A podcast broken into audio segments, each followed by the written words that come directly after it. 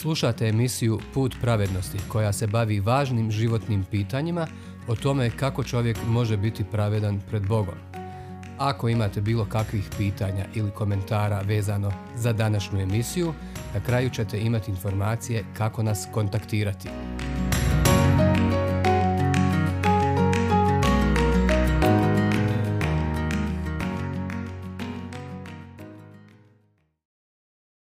Program 10 Kain i Abel. Put žrtvovanja. Postanak 4. U prošloj emisiji našeg proučavanja Tore vidjeli smo šta se dogodilo nakon što su Adam i Eva sagriješili. Bog je počeo sa najevom svog plana spasenja. Na svijet će doći jedan koji će svu djecu Adamovu izbaviti od sile i vlasti Sotone, grijeha i smrti. Također smo vidjeli kako je Bog odbio modu prvih ljudi kada su se obukli u ručnu radinost, u pregače od smokvinog lišća.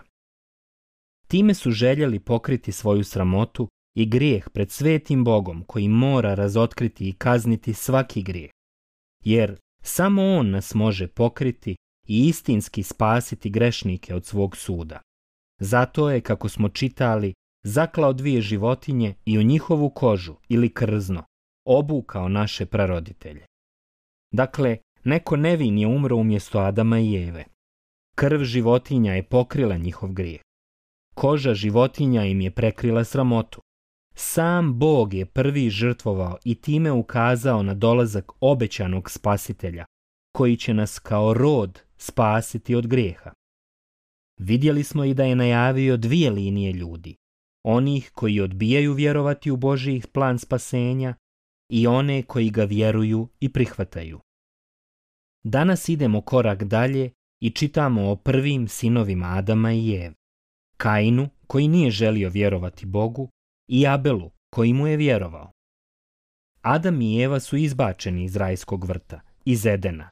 Sve to je posljedica njihovog grijeha. Više nisu mogli uživati blagoslove božanske prisutnosti. Grijeh je sve pokvario. Pokidao im je zajednicu s Bogom. Ali on ih i dalje voli i stara se za njih. Danas čitamo dalje istore, iz četvrtog poglavlja. Čovjek pozna svoju ženu Evu, a ona zače i rodi Kaina, pa reče Muško sam čedo stekla pomoću Jahve. Poslije rodi Abela, brata Kainova. Abel postane stočar, a Kain zemljoradnik. Stihovi 1 i 2 Dakle, prvi bračni par dobija dva sina. Kaina i Abela. I oni su poput roditelja grešnici. Grijeh se preko Adama prenio kao kakva zaraza. Prvi potomci ljudi su začeti u grijehu. Sveto pismo jasno kaže da je svako od njegove djece bilo njemu slično. Postanak, peta glava, treći stih. Kakav otac, takav sin. Još jednom, Kain i Abel su rođeni s grešnom prirodom. Elem, svi znamo da djecu odlikuje rast, kako tijelom, tako i intelektom. Tako je i Kain postao ratar. Nema sumnje da je bio vrijedan čovjek koji nije prezao od napora i znoja. Abel je bio pastir. Obojica su znali za Boga da postoji, da je svet i da mrzi grijeh. Obojica su znali da im je za pristup tom i takvom Bogu potrebna krvna žrtva, koju je sam Bog odredio. I tako je došao dan kada su obojica htjeli pokloniti se Bogu i prinijeti mu žrtvu. I evo kako čitamo dalje iz postanka. I jednoga dana Kain prinese Jahvi žrtvu od zemaljskih plodova, a prinese i Abel od prvine svoje stoke, sve po izbor pretilinu. Jahve milostivo pogleda na Abela i njegovu žrtvu, a na Kaina i žrtvu njegovu ni pogleda ne svrati. Stoga se Kain veoma razljuti i lice mu se namrgodi. Četvrta glava od trećeg do petog stiha. Šta se ovdje zapravo dogodilo? Dva čovjeka žele proslaviti Boga. Obojica su prinijela žrtvu, ali iz teksta je jasno da je Bog prihvatio samo jednu, Abelov. A na Kajna i njegov prinos se nije ni obazreo. Zašto je tako bilo? U čemu su se ove žrtve razlikovale? Očigledno je da su jako različite. Kain je donio najbolje od povrća i voća koje je uzgojio, a Abel je prinio životinju bez mane. Bog je oprostio Abelu grijehe. Kainu nije. Ali zašto se to dogodilo? Zašto je krv jagnjeta odnijela grijeh, a ne i sjajno voće i povrće? Zato što Bog ne voli te proizvode? Ne, daleko od toga. Zašto je opravdao Abela, a Kainu i dalje računao grijehe? Evo zašto. Abel je žrtvovao ono što je Bog zahtijevao. Kain nije. Bog traži žrtvu koja odgovara njegovoj pravednosti. Zahtijeva krv, to jest život nevine životinje. Abel je to vjerovao i tako je postupio. Zato nam kaže pismo. Vjerom Abel prinese Bogu bolju žrtvu nego Kain. Po njoj primi svjedočanstvo da je pravedan. Bog nad njegovim darovima posvjedoči po njoj i mrtav još govori. Hebrejima, poslanica, 11. glava, četvrti stih. Abel se podredio Božijem planu, a Kain nije. Abel je vjerovao, a Kain nije. A šta znači vjerovati Bogu? Imati pouzdanje u njega toliko da smo poslušni njegovoj riječi. Vjerovati Bogu znači prihvatiti kao istinu ono što nam govori. Ako i vi govorite kako vjerujete u Boga, a zapravo ne marite za ono što vam poručuje u svetom pismu, u spisima proroka, onda mu ne vjerujete. Jer Bog i njegova riječ su jedno. Ako vjerujete u njega i njemu, svakako ste poslušni i onome što govori. Elem, Bog je prihvatio Abela jer je ovaj vjerovao u njegovu riječ i pristupio mu sa krvnom žrtvom, baš onakvom kakvu je svetost zahtijevala. Bog je odbacio Kaina jer ga nije poštovao, jer je prezreo njegovu riječ. Kain je tvrdio kako vjeruje u Boga, ali je to porekao dijelom. Nije prinio krvnu žrtvu za koju je znao da je Božiji zahtjev. Neko će pitati, zašto je Bog zahtijevao krvnu žrtvu? Zašto je rekao da bez prolivanja krvi nema oproštenja? Evo zašto. Njegov sveti zakon objavljuje da je kazna za grijeh smrt. Zato je prolivanje krvi neizbježno. Nigdje nije rekao da će krastavci i šljive otkupiti čovjeka. Nigdje nije rekao da se spasavamo molitvom ili postom ili dobročinstvima. Nije. Ali ono što je sveti Bog rekao glasi. Jer plaća je grijeha smrt. U spisima proroka Bog je pokazao da svaki čovjek, svaki Adamov potomak jeste grešnik. Da smo svi prezaduženi pred svetim. Zato grešnik mora umrijeti i potom u paklu dovijeka ispaštati grijeh.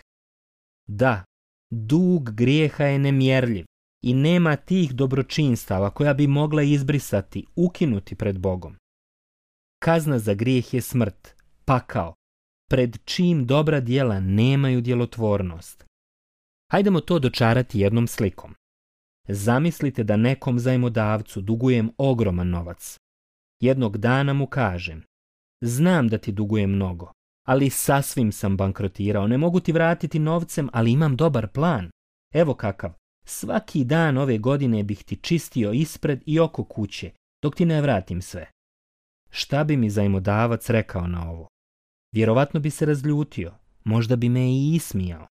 U svakom slučaju ne bi prihvatio moju zamisao. A zašto?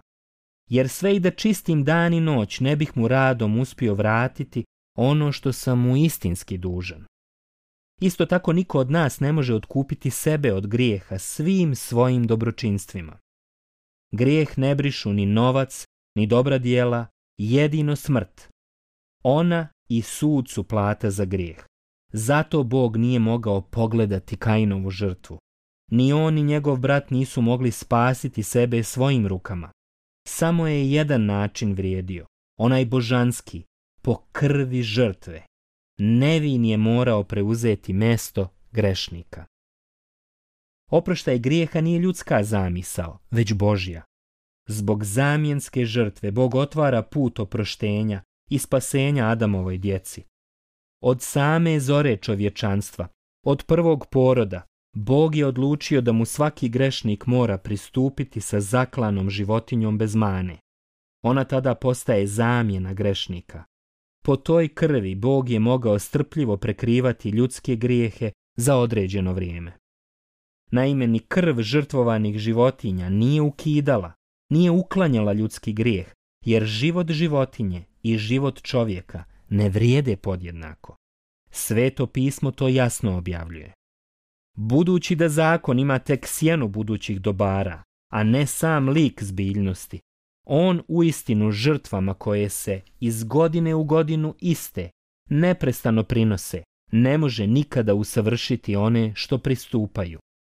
Jer krv bikova i jaraca nikako ne može odnijeti grijeha. Hebrejima poslanica, deseta glava, prvi i četvrti stih. Najvažnije je da pamtimo u vezi životinskih žrtava da su one slika spasitelja koji je trebao doći na svijet kako bi istinski otkupio Adamove potomke od grijeha. Taj obećani izbavitelj će jednom zauvijek umrijeti radi naših grijeha. Kako kaže prorok, doista i Krist jednom za grijehe umrije, pravedan za nepravedne, da vas privede k Bogu. Prva Petrova poslanica, treća glava, 18. stih. Ili kako je zapisano u evanđeljima, Zanj svjedoče svi proroci da tko god unj vjeruje po imenu njegovu prima oproštenje grijeha. Dijela apostolska, deseta glava, 43. stih. Iako su danas životinske žrtve nepotrebne, pošto je spasitelj davno došao i prolio krv za svijet, u davnim epohama Božiji plan spasenja ih je zahtijevao. Ali Kain nije mario za to.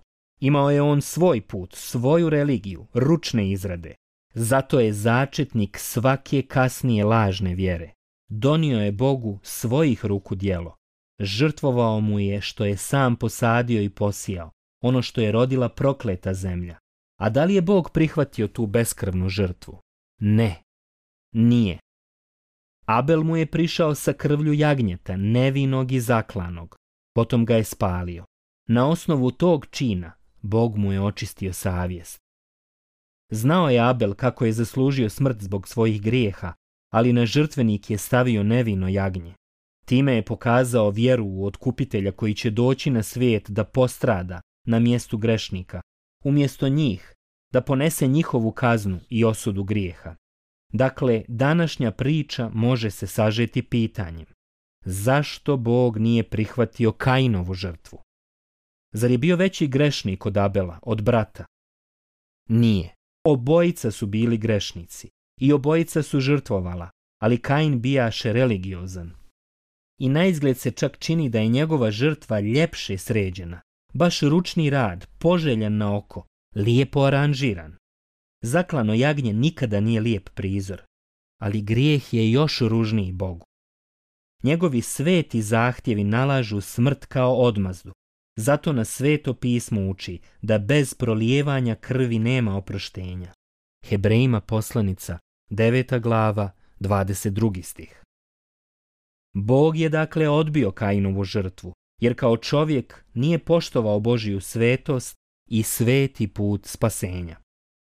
Niko ne može doći Bogu mimo puta koji je Bog odredio, a taj je put savršen i jasan.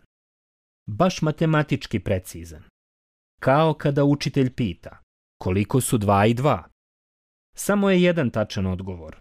Četiri. Svaki drugi odgovor je netačan. Tako je i sa pravednim putem spasenja koji je sam Bog otvorio. Bog je samo jedan i jedan je put opravdanja grešnika pred njim, svetim. A to je put nevine i sasvim savršene žrtve. Dragi prijatelji, koji nas danas slušate, znate li za ovu poruku Božje riječi? Znate li da se zahtijeva sveta žrtva, jedna i jedina kojom Bog trajno uklanja dugovanje naših grijeha? Znate li da je Bog na svijet poslao svemoćnog spasitelja kako bi i vaši grijesi mogli biti oprošteni, kako biste dobili pred Bogom čisto srce? U narednim emisijama reći ćemo nešto više o njemu, o tom spasitelju, a pismo nam o njemu svjedoči. I nema ni u kome drugom spasenja, nema uistinu pod nebom drugog imena dana ljudima po kojemu se možemo spasiti. Dijela apostolska, četvrta glava, 12. stih. Prijatelji, ovdje bismo morali stati. Ako Bog da, sljedeći put govorimo o tome šta je Kain uradio shvativši da mu je Bog odbacio žrtvu. Neka vas Bog blagoslovi dok razmišljate o njegovom osnovnom zakonu koji nam poručuje bez prolijevanja krvi nema oproštenja. Hebrejima poslanica, 9. glava, 22. stih.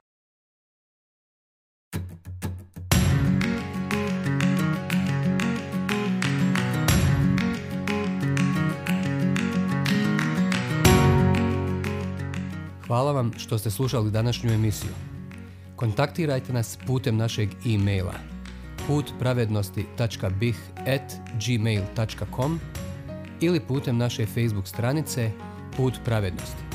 Do sljedećeg slušanja.